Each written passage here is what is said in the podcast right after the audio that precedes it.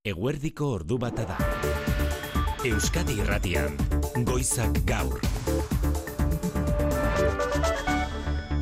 Arratsalde on deizuela guztioi. gure hautagaia peio txandiano kanpo izatea erabaki dugu.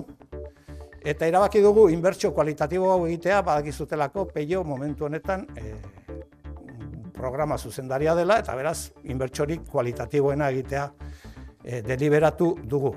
Pello Otxandiano Bizkaitarra Otxandiokoa berrogei urte eta orain arte entzun duzuenez EH Bilduren programa zuzendaria izan dena aukeratu du EH Bilduren mai politikoak urrengo lehendakari gai izateko. Belaunaldi gazteak ordezkatzen dituen hautagaia dela eta haren bertuten artean solventzia eta pasioa nabarmendu ditu Arnaldo Otegik.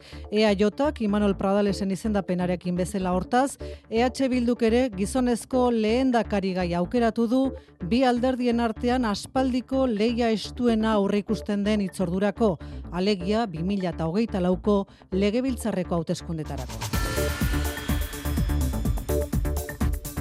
Eguneko beste lerroburuetan inigo alustiza arratsaldeon. Baita zuri ere maite. Kristau eskola eta izea elkarteetako ikastetxeetan langileen euneko irurogeita amarrak egindu bat grebarekin astebeteko deialdiaren lehen egunean. Ala jakinerazi dute sindikatuek iraungitako hitzarmena berritzeko eskatzeko mobilizazio horrekin gustora agertu da gizarte ekimeneko itunpeko ikastetxeetan gehiengoa duenela sindikatua miren zubizarreta. Nahi ditugu gizarte ekimeneko ikastetxetako langileak zoriondu, aste honetako lehendabiziko greba egunak ba, jarraipen zabala izaten ari dela esan dezakegu. Eta eskaera ba, argia da, ez? 2008 bateko abendutik iraungita dagoen lan hitzarmena berritzeko proposamenak izan behar ditugu mai gainean, ez? Euskadi Irratiko Faktorian Jokin Bildarratz Jaurlaritzako hezkuntza sailburuak oso kaltegarritza jo ditu bosteguneko greba deialdiak itunpeko ikastetxeetan eragin ditzakeen ondorioak eta dei egin die patronalei eta sindikatuei lehen bailen akordioa lor dezaten. gonbiatuko nituzke bi parteak alik eta azkarren elkarrizketa e, negoziazioak eta adostasunak e, lortzea. Lagundu badezakegu, lagundu ezakegu, baino oso esparru e, txikia dago e, guk hor parte hartu alizateko. Ipar Euskal Herrian eta landetan aldiriko tren zerbitzua martxan jartzeko proiektuari argi berdea emango dio une batetik bestera espero da Akitania Berriko kontseiluaren bilkura. 2000 eta hogeita bosterako jarren eko lukete martxan, endaia eta akize ordu erdiro lotuko lituzken aldiriko zerbitzua eta 2000 eta hogeita marrerako donostiaraino luzatuko lukete linea hori egitasmoaren arabera. Baiona eta mugerre artean bestalde merkantzientzako geltoki intermodala ereiki alizateko emeretzi milioi euroko inbertsioa baimendu dio gaur Europar batzordeak Frantziar estatuari. Garraioari lotuta goiz mugitua gaur Euskal Hiriburuetan arrazoi desberdinengatik Gasteizen Tubisa hiriko autobus gidariek lau orduko lanuzte egin dute eta horretaz gain ia bost orduz goizeko amaikak arte tranbia zerbitzua eten da egonda katenarian izandako arazo bat tarteko. Bilbon TAO sistema berria estreinatu duten egunean Android sistemaren aplikazioak eman ditu arazoak eta horri erantzi erabiltzaile askoren kexua Bilbo erdigunean gaurtik eguerditan ere ota zerbitzuagatik ordaindu egin beharko delako Janire Gerena barrena dago Bilbo erdikaldeko kaleetan aurrera Janire. Bai, gora beratsua izaten ari da goiza Bilbon, sistema informatikoan atzemandako arazoak tarteko, hilabete baino gehiagoko atzerapenarekin abiatu da gaur tao sistema berritua, eta unionetan oraindik ere hainbat parkimetrok ez dute funtzionatzen, Android sistema duen mugikorretan ere, ezinezkoa da aplikazioa deskargatzea herritarrak azerre somatzen ditugu. E, makina ez, ez zebilen ez, eta e, otako pertsona bat zegoen eta eskatu dut laguntza. Bai, oso oso txarto iruditzen zait. Matxarra iruteko. Nabilbera etorteko oine, kotxi gaze, esilik etorri. Batez ere nik uste dut azken finean dela e, diru hartzea eta bueno, Azerre batez ere gune intentsiboan, indautxun eta abandon, eguerdian ere ordaindu egin behar delako eta isunak ezingo direlako amabi euroren truke parkimetroan ordaindu etxera iritsiko dira eta eun eurorainokoak izango dira. Gaza egoaldean bestela kalezkale ari dira borrokan Israelgo soldaduak eta jamaseko milizianoak jan Yunis hiri inguruan. Eta Israelen erasoet- erasoetatik iesi, Egipto alderako exodoa gertatuko ote den kezka areagotzen ari da nazioartean. Thousands of people are being pushed against the border with Egypt Milaka prospects palestinar Egiptorako mugan pilatzen ari direla ohartarazi du Josep Borrell Europar Batasuneko atzerriko atzerri gaietarako goi arduradunak eta suetena ezinezkoa bada gutxienez etenaldi humanitarioak eskatu ditu. Cisjordania eta Jerusalem ekialdea bitartean erabat geldiri daude gaur Gazako palestinarrekiko elkartasunez deitutako greba dela eta. Bruselan, Hamasen eta kolono juduen aurkako balizko zigorrak aztertzen ari dira ordu honetan atzerri ministroak eta Europar Batasuneko atzer arrantza ministroek ere bilera dute datorren urterako kuotak zehaztuko dituzte datozen orduotan Euskal Arrantza lehentzat itxuraz aparteko aldaketari gabe. Errepidetan momentuko egoera zein da honintza segurola? Ba, Barakaldon Nazional Seiru zazpi errepidean, arrontegiko zubian kotxe eta kamioi baten arteko istripu gertatu da, Bilborako norabidean, eta autopilak eta sortu da bertan. Eta Nazional bat errepidean etxegaraten, kamioi bat matxuratu da, gazteizerako norabidean, eta une honetan garabiari da lanean, beraz, eh, kontuz bi puntu horietan. Goizeko bostak aurretik bestalde, urruñan autoistripu larria izan da, hogeita lau urteko persona hilda, eta duela gutxi jakin dugu txomin ibarburu rugbi jokalari gaztea dela hildena, urruñako klubeko jokalaria zen, eta bardoxen aurka jokatu berri zuen, klubak jokalaria omenduko du, oraindik zehaztu gabeko egunean. Eta beste ohar bat ere bai, errepidei lotuta honintza, AP sortziko erabiltzaileentzat. Hori da, hiru hilabeteko lanak amaituta, autobidean kokatuta dauden segurtasun esiak kendu behar dituzte, horioko irteeran, hogeita amairu garren irteeran horretarako ezinbestekoa da bidea iztea. Trafikoari alden kalte gutxien egiteko, ba gau ez egingo dituzte lanak, abenduaren amaika, amabi eta amairuko gauetan. Gaur, bihar eta asteazken gauean hain zuzen ere. Bitarte horretan, zarauzko irteera erabiltzea gomendatzen da. Eguzkina iturriotz Euskalme eta Arratsaldeon. Arratsaldeon. Eguraldiari begira jarrita nola dato zurrengo orduak? Ba ez dugu aldaketarik espero, giro argiarekin jarraituko dugu, naiz eta goio dei ugari izan, eta egomente baldeko aize ibiliko da. Arratsaldean aizeak indar pixka galduko du, baina azken orduetan indartu ingo da berriro ere, bereziki mendebaldeko aizegunetan, hau da Bizkaia eta Araba mendebaldean. Eta biharko abitzetan? Ba, antzeko egoerarekin jarraituko dugu bihar arratsaldera arte, baina bihar eguerdian fronte bat gaineratuko zaigu, haizeak mendebaldera egingo du eta euritara joko du. Eskerrik asko eguzkine bihar arte. Bihar arte. Triste bukatu zen ba atzo partida hori Jose Maria Paula Zarratsaldeon. Arratsaldeon, Maite. Granadan. Bueno, bukatu etzen, bukatu hori da Bueno, notizia. hori da. hori da, atletik Granada Bukatu beharrean izan zen. Alaxe da, amazazpigarren minutuan eten zuten partidari, ba gaur berrekin godio. Armailetan ondo eza izan eta irurogeita zortzi urteko Granadako jarraitzaile bat hiltzen. Gaur bederatzietatik aurrera dute berriz ere partida, utxeta bat ari da irabazten atletik, eta ez da zurigorrietan aldaketarik aurre ikusten. Baina aurre ikus liteke, araudiak berez eta hau ere bitxia da, ematen baiti aukera bitaldei jokalariak aldatzeko, baita amaikako oso aldatzeko ere. Bueno, eta bien bitartean realak hartu du lurra Milanen, txapeldune ligako multzuen fase ikusgarriari erremate jartzeko pres da reala. Bihar interren aurka berdinketak ere emango lioke bere multzoko lehen biziko postua. Ola be, futbol zuzendariaren ustez, bizigarria da bihar helburu hori izatea, lidertza. John Martin, amazazpi urteko atzelari gaztea da zerrendan berritasuna. Eta pilotan superprestigio lehiak eta ospetsu asteratoa gaur garazin lauretan Hospital Sánchez, eta ondoren peio lurralde dukasu. Eta oso bestela amaitu dena Durangoko aurtengo azoka arrakastatsu oso Manu Etxezortu. bai, hori da. Eta azokaren arrastoa gaurtik hasita liburu dendetan somatuko da. Ba bai, Durangoko azokan aurkeztu dituzten liburu berriak liburu dendetara iritsiko dira orain, zu non handa ekimenaren bidez Euskal Herriko laurogeita hamar liburu denda bildu dira ekimenera. Erosleak Durangoko nobedadeak eskura izango ditu eta gainera idazleen aurkezpenak izango dira herriz herri. Zu non handa ekimenaren helburuak aitatu dizkigu Andoni Urzelai Arturadunak. Batetik, hemen aurkeztutako euskal literaturan produzin oso euskal herri osora zabaltzea, eta bestetik, Aitortza egitea bai liburu dendei eta uspotzia bere lana. Ze azken finien euskal kulturgintza zabaltzeko ba ezinbesteko aktoria di, ezta. Beraz, liburu dendei aitortza bamaite gaur bertan Urduñako Maor liburu dendan Jon Artano gure lankideak bere liburua aurkeztuko du, Joana izenekoa, eta gaur Eibarko Adarabar liburu dendan Irati Garmendiak eta Ane Arzelusek orduko bizitza bildumaren inguruko tailarra egingo dute. Ordu batak eta bederatzi minutu dira Xabi Gallastegi eta Xabi Iraola teknikan eta errealizazioa. Euskadi Irratian. Goizak gaur. Maite Artola. Iganderako ekitaldi politikoa deitua du etxe bilduk eta igandean espero genuen lehen gaiaren inguruan mai politikoak hartutako erabakiaren iragarpena, baina gaur goizean premiaz deitu ditu komunikabideak, Arnaldo Otegi koordinatzaile nagusiak, ez dakigu filtrazioen beldurre da, esan dakoa aurrez Euskadi Irratian bertan goizak gaur albistegian esan azuen Otegik izan zitekela EH Bilduren lehen gaia gizonezkoa, eta gizonezkoen artean Pello Txandianoren izena ia ezinbestekoa zen kinelatan. EH Bilduren programa zuzendaria, otegiren hitzetan solventea eta aldi berean arima duena da Otxandiano eta berrogei urterekin belaunaldi berriak ordezkatzera datorrena igotzalkorta arratsaldeon.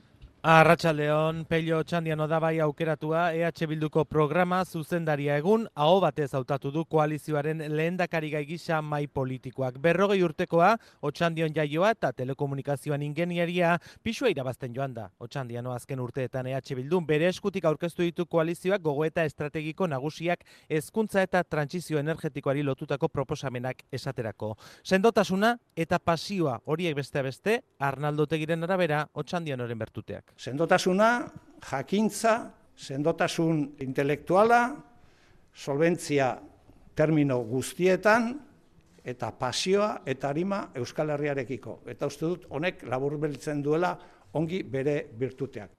Mai politikoaren proposamena bilkidek berretsi beharko dute, datorren astelenean hasiko da EH Bilduren barne prozesua, orduan finkatuko da bozketarako egutegia. Baina bilkidek ez dute otxandian osolik hautatuko, lehen aldiz EH Bildun, iruko talde moduko bateratuko da, lege biltzarrerako gaia, eta parlamentuko talde horren bozera maila ere aukeratuko baitira prozesuan. Izan ere talde lanada gurea, hau esan duotegik, eta feminismoa banderetako bat duen koalizioak lehendakari gaia gizon bat aukeratu izanaz galdetuta hau erantzuna. Ez dagola inongo zalantzarik gurea apustu hori dela. Baina aldi berean esaten dugu ere bai, reflexio bezala, uste dugula moimendu bezala garela feministak. Gure kidegoa feminista da. Eta horrek esan nahi du gizon eta emakumea feminista garela, ez? Amaitzeko mugimendu sozialistak larun batean egingo duen ekitaldian alderdi gisa egituratzea erabakiz gero horrek koalizioa bertzalean kezka eragiten ote duen galdetuta zero ez dagoela euren kezketan ala ziurtatu du behintzat EH Bilduko koordinatzaileak. Pello Otxandiano Kampok berrogei urte ditu esan bezala Otxandion jaiotakoa, telekomunikazio ingenieritza ikasitakoa, Mondragon Unibertsitatean doktore tesia ere bertan aurkeztu zuen, bere herriko zinegotzi izan da sortuko zuzendaritzako kidere bai, eta azken urteo bere gain hartu du EH Bilduren programa zuzendaritza. Akordiotara borondatea edo akordiotarako borondatea aitortzen diote ingurukoek eta bereziki ezaguna eginda hezkuntza legeran inguruko negoziazioak gidatu dituelako Maielen Narratibel konta iguzu. Arratxaldeon bai, EH Bilduren azken urteotako estrategiaren gidarietako bat izan da peio otxandean, naiz eta bere lana bereziki hezkuntza itunari lotuta ikusi dugun. Bai korrasieran, ituna bera istea lortuta, baina oso kritiko gero, hezkuntza ereduei eusteko, jeltzaleek eta sozialistek testuari egindako azken orduko moldaketarekin. Honela hitz egin zuen Euskadi Irratiko mikrofonoetan. Ez daukalako erantzun posiblerik. Eta beraz, egiten ari dena da, txapuza bat, politikoki eta juridikoki emendakin honekin. Nahiko nuke entzun, alderdi sozialistak nola planteatzen duen kompatibleak egitea, ereduak eta lagoaren titu. Adibidez, hau da, inork, alderdi sozialistaren partetik, inork erantzun goztuen galdera bat, Bokazio politiko duna, telekomunikazio ingenieritza ikasketak bukatu ala, zinegotzi kargu hartu zuen otxandion bere jaioterrian, eta egun, EH Bilduren lehen lerrora jauzia eginda, nahiko, nahiko luke, teknologia berrien gainean duen ezagutza hori aplikatu besteak beste, politika publikoetan bereziki eraldaketa sozial eta ekonomikorako. Hain zuzen, gogoratuko dugu duela urtebete pasatxo, Arnaldo Otegirekin batera aurkeztu zuela ongizate hitzarmena izeneko neurri sorta egora honek eskatzen du ba, etorkizunari aurre egiteko politika berri bat eta industria politika berri bat. Politika berriak aipatzen zituen industria berpisteko bereziki, baina baita zerbitzu publikoen degradazioari eta beraztasunaren desorekari aurre egiteko. Horretan, eta esan bezala, hezkuntzaren alorrean, koalizio abertzalean, ideologo gisa ikusi dute askok azken aldian. Gainontzean, esango dugu, musikazalea eta mendizalea ere badela berrogei urteko txandiarra. Ordu bata eta malau minutu gaur euskadirratiko faktorian Jokin Bildarratz, jaurlaritzako hezkuntza sailburua zen gombidatu nagusi oso kaltegarritzat jodu Bildarratzek bost eguneko greba deialdiak itunpeko ikastetxetan eragin ditzakeen ondorioak eta dei egin die patronalei eta sindikatuei akordioa lehen bailen lortzeko. Kristau eskola eta izea elkarteetako ikastetxetan izan ere langileen euneko irurogeita marrek egin dute bat grebarekin, astebeteko deialdiaren lehen lehen egunean manifestazioan jarraitzen dute edo amaitu da Bilbon, Marijo de Gracias Arratsaldeon. Arratsaldeon maite, ba, amaitu da, bai, manifestazioa Eusko Jaurlaritzaren atea aurrean amaitu da, Gasteiz Donostian ere egin dituzte gaur eh, justu mobilizazioak, gaurkoa dutelako bost eguneko greba deialdiko lehenengoa eta gustura agertu dira sindikatuak. Deialdiak izandako erantzunarekin zuk esan bezala bataz beste euneko irurogeita marrekoa izan dela erantzuna dirasi dute, lan hitzarmeraren negoziazioa ez aurrera esatzera dagoela salatu dute, Kristau Eskola eta eta izea patronalek ez dutela negoziazioan aurrera egiteko edukirik mai gaineratu eta hori dela eta greba egiten jarraituko dute ahaztu barik hori bai aurreko lanitzarmeren akordioa hogeita bederatzi greba egunen ondotik etorri zela miren zubizarreta dela. Greba arrakastatxuek ekarriko dituzte proposamenak aurreko lanitzarmena kosta zitzaigun. Hogeta bederatzi greba egun hiru ikasturtetan zehar. Baina lortu genuen, lortu genuen, eta oraingoan ere lehenago lortu nahi dugu. Eta injustu eskuntza sailari ere eskatu diote esku hartzea ezin duelako edozein eragile balitz bezala jokatu gatazka honetan, bera delako finantzatzaile nagusia eta ari dagokiolako sindikatuen ustez finantzazioaren gardentasunaren kontrola eta lan baldintza egokien bermea. Biharko ere mobilizazioak hiru hiriburuetan eta etziko manifestazio nagusia deitu dute Bilbon bertan.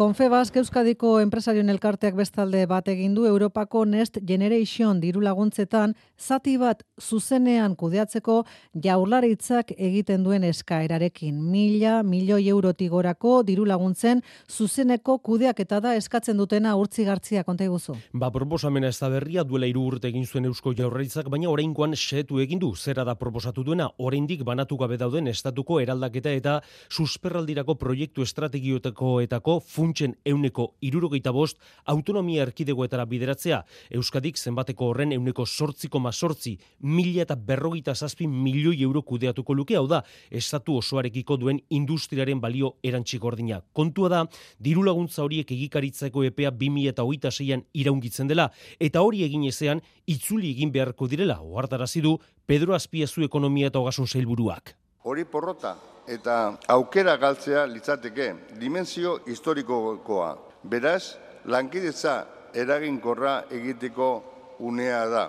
Politika zaratago duan gaia da pragmatismo, eraginkortasun eta efizientzia kontua da. Euskadiko patronalak babes oso eskaini dio jaurlaritzaren proposamenari Tamara Jague Konfebaskeko presidentak ere Europako funtsen banaketa dezentralizatuago eta hurbilago eskatu du. Porque lo cierto es que hasta el momento la agilidad y el criterio establecido a la hora de repartir Izan ere orain arte diru launtzanei baino gelduago ari dira iristen eta banak eta irizpidak ere ez dira enpresarin gustokoak izaten ari. Are gehiago, salbuespenak salbuespen Europako zuzeneko diru laguntzak apenas ari dira euskal enpresetara iristen, baldintzak betetzen dituzten enpresa askotasko kanpoan geratzen ari direla salatu du Konfebaskek.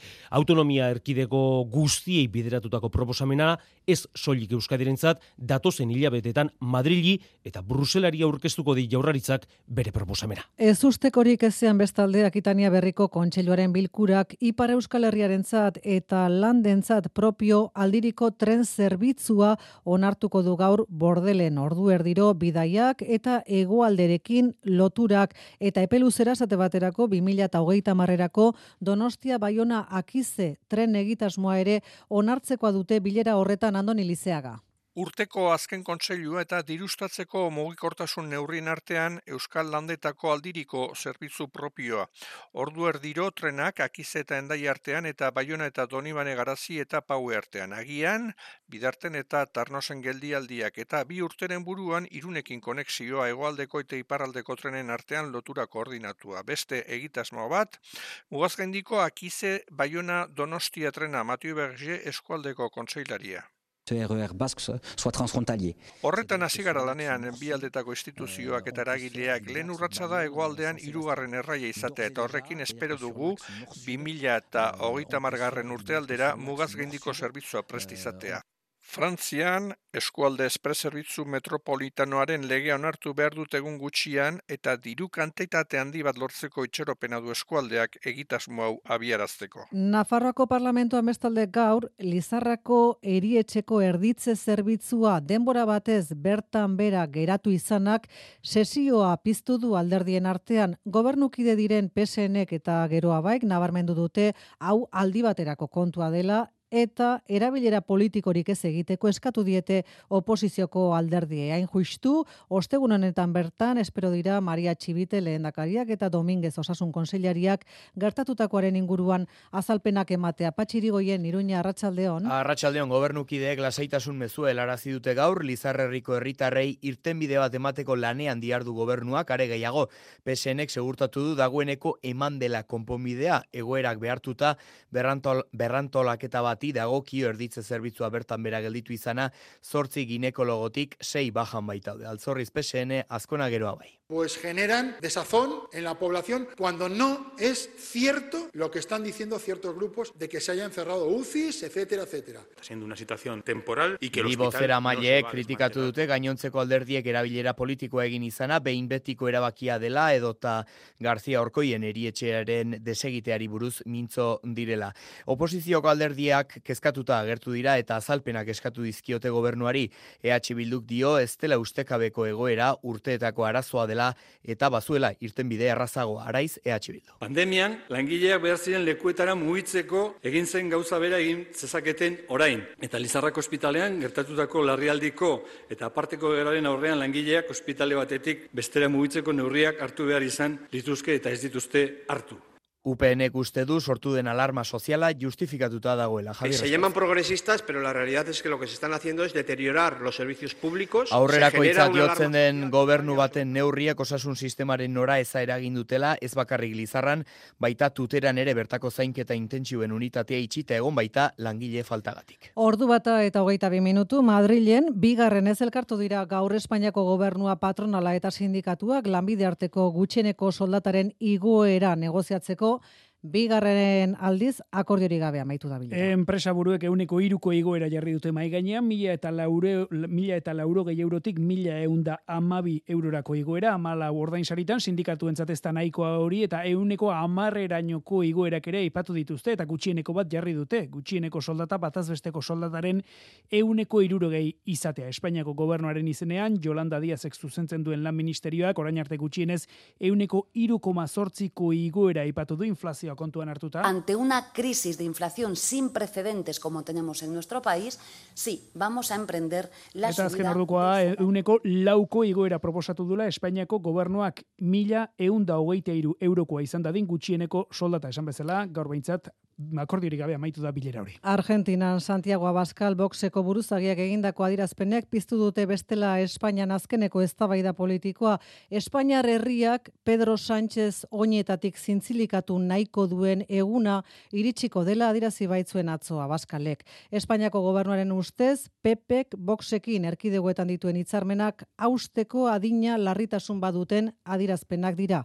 Alberto Núñez Feijo, Pepeko presidenteak adirazpen horiek gaitzetsi bai, baina nabarmendu du Sánchezi bere joko politikoan laguntzen dietela. Izaro baza Madrid arratsaldeon. Abaskalen antzoko adierazpenen ostean, gaur boxetik ez dute tonua jaitzi guztiz kontrakoa. Abaskalen hitzak berretzi eta tonua goratu dute. Eh, el señor Abascal ha recordado la suerte de muchos dictadores. Y eso algunos le llaman odio, pero no, eso no es odio, eso es historia. Eso es A partir de ahí... Pesoetik eskuin muturreko alderdi buruaren hitzak guztiz gaitzetzi dituzte, hainbat ministro Sánchezen aldeko defentsa egin dute, gorroto diskurtsoa auspotzea leporatzen diote Abaskali, horien artean kanpo gaietako ministroak. Un rechazo total a las palabras del señor Abascal, de vista es un discurso de odio.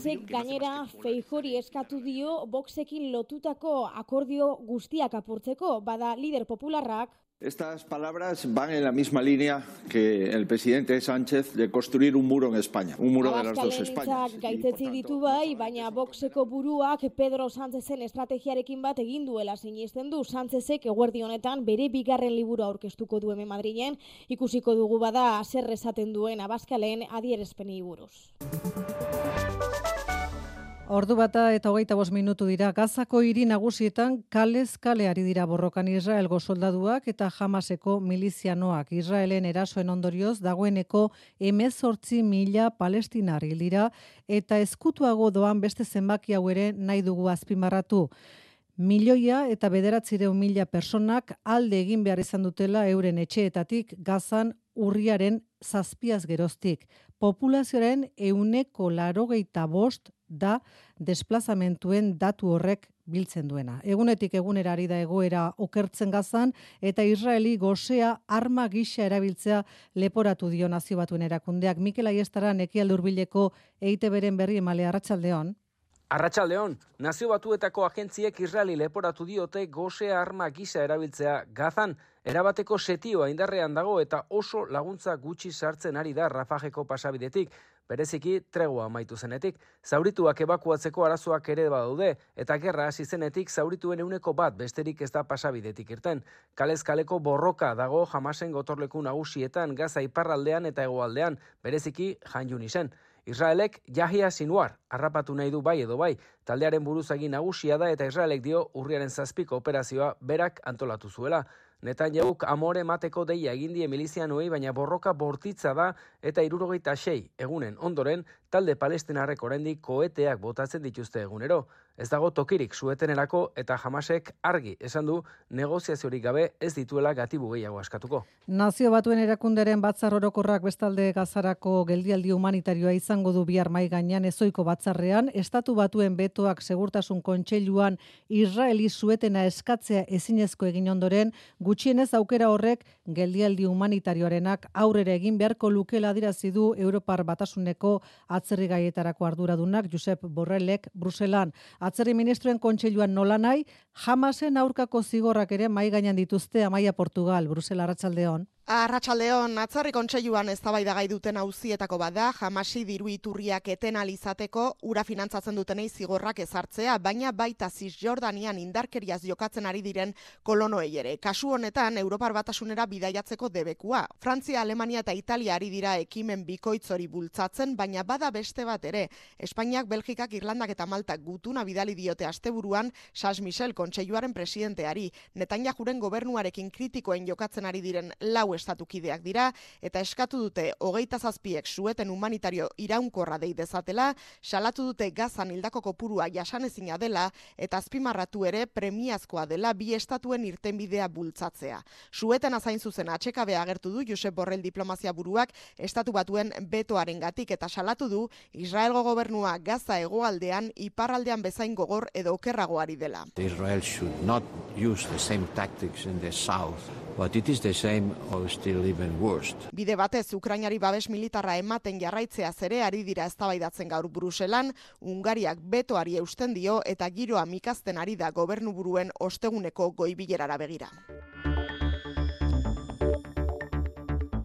Android sistemaren aplikazioan hainbat goraberarekin eta funtzionatzen ez duten hainbat parkimetrorekin estreinatu da Bilbon gaur tao sistema berria. Estreinua egun bateko goraberak dio Bilboko udalak, horretaz gain erabiltzaile asko kexu somatu ditugu. Gaurtik aurrera Bilbo erdigunean eguerditan ere aparkamenturako tao zerbitzua ordaindu egin beharko dutelako janire geren abarrena konta iguzu. Arratsaldeon sistema informatikoan atzemandako arazoak tarteko hilabete baino gehiagoko atzerapenarekin abiatu da gaurtao sistema berritua eta arazo desente izaten ari da goiz osoan zehar. Hainbat parkimetrok ez dute funtzionatzen eta Android sistemadun mugikorretan ezinezkoa da aplikazioa deskargatzea udalaren arabera erabiltzaileen euneko geita ama bostek erabiltzen dute aplikazioa eta gehiengoak Android sistema erabiltzen du herritarrak aserre somatu ditugu. E, makina ez, ez zebilen ez, eta eotako pertsona bat zegoen eta eskatu dut laguntza. Bai, oso oso txarto iruditzen zait. Batxarra iruteko, nabilbera etorteko oine, kotxigaz, ezilik etorri. Batez ere nik uste dut azken finean dela e, diru hartzea eta bueno. Azerre batez ere gune intentsiboan indautxun eta abandon eguerdian ere ordaindu egin behar delako eta isunak ezingo direlako amabi euroren truke parkimetroan ordaindu. Etxera iritsiko dira eta eun eurorainokoak izango dira aldak eta guzti hauekin txandakatzea sustatu nahi du udalak Juan Maria Burtu alkatean helburua beti da rotazio handiagoa izatea eta era horretan ba hiri jasangarriagoa e, eukitzea. Egunean zehar akats eta arazoa konpontzen joate aurre ikusten du udalak. Arratsaldeko ordu bat aterdietara iritsi gara honela.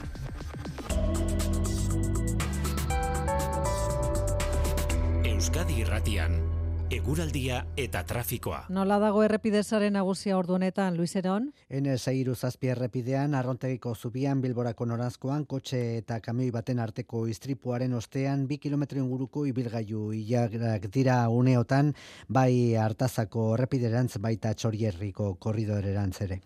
Eta hause urrengo orduetarako eguraldiaren pronostikoa. Datozen orduetan ez dugu aldaketarik espero, giro argia izango dugu, goio dei ugarirekin eta egomende baldeko aize biliko da. Arratxaldean aizeak indar pixka galduko du, baina azken orduetan indartu ingo da berriro ere bereziki mendebaldeko aizeguneetan. Eta antzeko egorarekin jarraituko dugu bihar arratsaldera arte. Bihar eguerdi partean ordea fronte bat gaineratuko zaigu, aizeak mendebaldera egingo du eta euritara joko du orduan. Eta frontearen etorrerarekin temperatura jaisten hasiko da. Biharko temperatura minimoak gaueko azken orduetan neurtuko dira.